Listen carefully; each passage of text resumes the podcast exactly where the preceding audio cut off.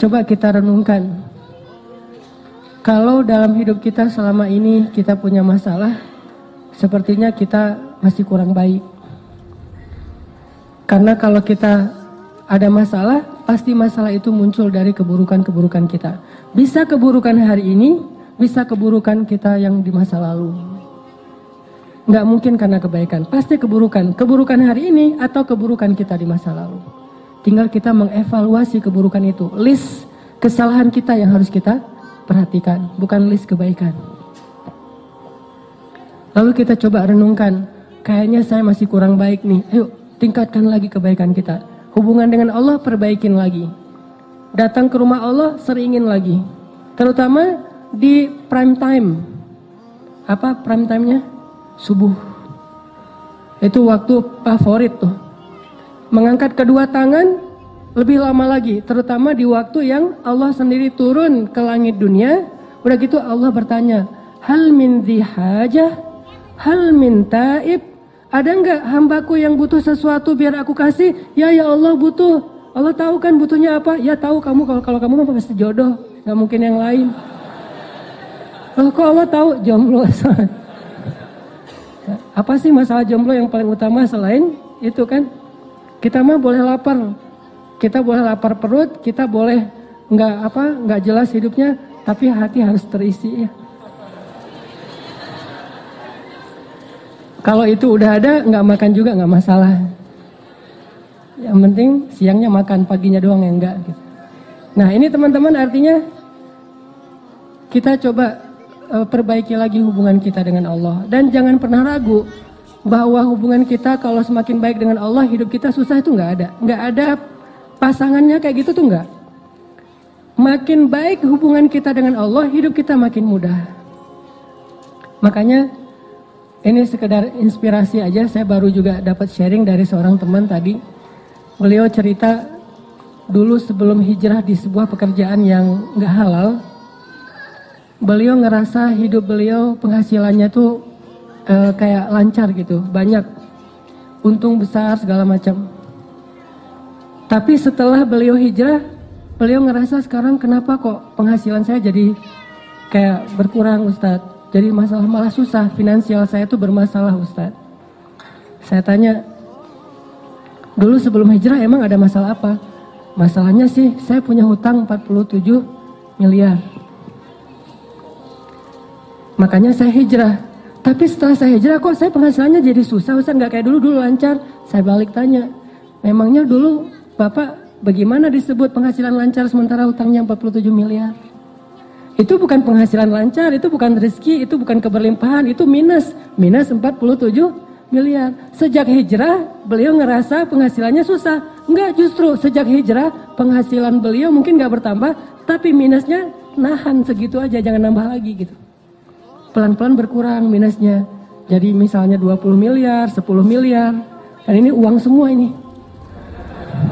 Saya juga kaget, ah 47 miliar. Langsung berhitung gitu. Beli kerupuk berapa misalnya, beli bakso. Lumayan banyak kan ya. Orang sering salah paham. Dia ngerasa bahwa dulu sebelum hijrah lancar. Padahal nggak lancar penghasilannya, lancar hutangnya. Setelah berhijrah mungkin seret gitu. Tapi hutangnya juga seret. Penghasilannya Allah akan perbaiki secara bertahap. Kayak orang sembuh, sembuhnya pelan-pelan. Pertama mungkin hilang dulu panasnya, kemudian mulai hilang radangnya, kemudian mulai lemesnya hilang, udah agak sehat. Bertahap. Artinya teman-teman nggak mungkin bersilangan. Sehingga kita coba belajar yakin. Wa mayyattaqillah pasti yaj'al lahu makhraja. Jadi kalau kita berbuat baik, gak usah khawatir kebaikan kita tuh gak bakalan sia-sia, gak bakalan. Berdoa gak bakalan sia-sia. Aduh, kayaknya sia-sia nih saya berdoa gak ada hasilnya, gak ada. Ini kayaknya rugi aja nih saya selalu berdoa ternyata gak ada perubahan, gak mungkin. Doa itu ibadah dan gak mungkin ibadah itu ngerugiin kita tuh gak mungkin. Terus mana hasilnya? Mungkin kita belum paham tentang fikih doa belum paham bukan tentang tata cara doanya, hikmah bagaimana cara Allah mengabulkan doa. Dikabulkan pasti. Kalau nggak ada penghalang.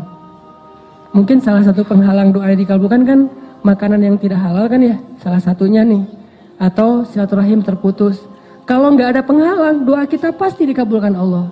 Cuman kita kadang terlalu memaksakan Allah mengabulkan seperti yang kita pengenin. Padahal bisa aja Allah ngabulinnya sesuatu yang lebih baik dari apa yang kita pengenin. Atau Allah mengabulkan doa kita dengan memberikan kebaikan yang sama nanti di akhirat. Toh kita hidup tuh nggak sekali, kita hidup tuh dua kali, dunia dan akhirat. Dan bahkan dunia itu kita cuma hidup sebentar 60-an tahun dan itu pendek banget loh. Kita nggak pernah ngebandingin sih makanya nganggap kayak usianya panjang 60 tahun. Coba bandingkan dengan umat kaum Nabi uh, Solih. Kaum Ad dan Samud berapa usianya? Rata-rata 1500 tahun, 2000 tahun. Nabi Nuh dakwahnya doang 950 tahun. Usianya lebih dari itu. Sehingga dulu ada ibu-ibu ya lagi nangis di atas kuburan anaknya. Anaknya meninggal ABG gitu. ABG meninggal. SMA juga belum lulus gitu. Meninggal. Entah tabrakan, entah apa gitu. Meninggal. Ibunya nangis di atas kuburan. Nah, kasihan kamu ya, meninggal muda, belum sempat menikmati hidup. Ah, gitu-gitu deh merintih, meratap lewat seorang ulama di zaman itu. Umat Nabi Solih. Ibu, kenapa menangis? Ini anak saya meninggal muda, kasihan Emang usia berapa dia meninggal? Masih ABG. Berapa? 300 tahun. 300 tahun ABG coba. Terus ulama ini bilang, wah ibu, bersyukurlah dikasih usia 300 tahun. Karena nanti akan muncul suatu generasi, suatu umat yang usianya hanya 60 tahun. Ibu ini kaget, hah manusia 60 tahun? Gak salah tuh. Cih. Kita 60 tahun tuh udah lama loh. Bagi mereka 60 tahun itu nggak ada apa-apanya. Sampai ibu itu mengatakan kalau saya cuma dikasih usia 60 tahun, bakalan saya pakai itu seumur hidup saya hanya dengan satu kali sujud. Bayangin sujudnya aja 60 tahun. Kita sujud panjang dikit, nggak bangun-bangun, ketiduran kan. Sholat imamnya baca agak panjang dikit, berdiri sebelah kaki. Aduh pegel sebelah gantian gitu. Kayak orang sholat terawih agak panjang dikit kan mulai batuk pojok sana, bersin pojok sana. Wah ada aja. Tiba-tiba banyak sakitnya. Umat Nabi Solih ibadahnya sujudnya doang 60 tahun. Bahkan Allah menciptakan malaikat setiap setiap hari khusus tugasnya untuk sujud pada Allah. Jadi diciptain langsung sujud dan tidak bangkit dari sujudnya sampai hari kiamat. Berapa jumlahnya? Sehari 70 ribu malaikat. Setiap hari Allah menciptakan 70 ribu malaikat yang tugasnya itu untuk sujud. Memenuhi Baitul Ma'mur. Memenuhi langit dunia. Sehingga Baitul Ma'mur itu kata Nabi sesek luar biasa. Saking seseknya seandainya Baitul Ma'mur itu retak gara-gara dipenuhi malaikat.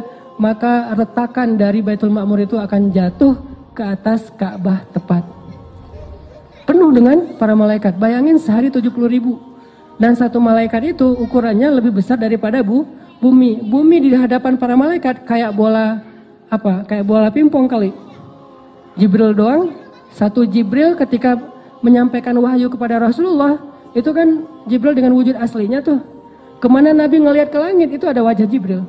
Di situ Jibril, di situ Jibril. Semuanya dipenuhi oleh Jibril. Nabi lari dipanggil sama Jibril ya Muhammad jangan lari, saya Jibril, kamu Rasulullah. Nabi takut karena gak kenal sama Jibril. Tiba-tiba di follow gitu kan sama Jibril. Wah ini siapa nih follower followersnya? Ngeri lagi followersnya. Jibril. Bayangin Allah menciptakan 70 ribu malaikat yang tugasnya cuma untuk sujud. Jadi artinya kita hidup itu nggak cuma di dunia, kita hidup dua kali. Dunia dan akhirat. Dan adegan kehidupan akhirat yang kita tahu itu terlalu disingkat oleh kita. Padahal satu ayat itu kalau dibedah bisa sampai 100 bahkan 1000 tahun. Ada banyak sekali adegan-adegan di akhirat yang kita jarang memikirkannya.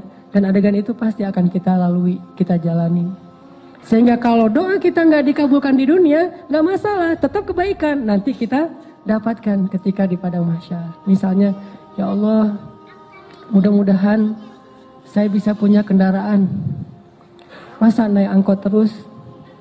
Masa jalan kaki terus, pengen punya motor juga nggak apa-apa ya Allah. Makanya kalau minta jangan tanggung-tanggung. Mobil ya Allah.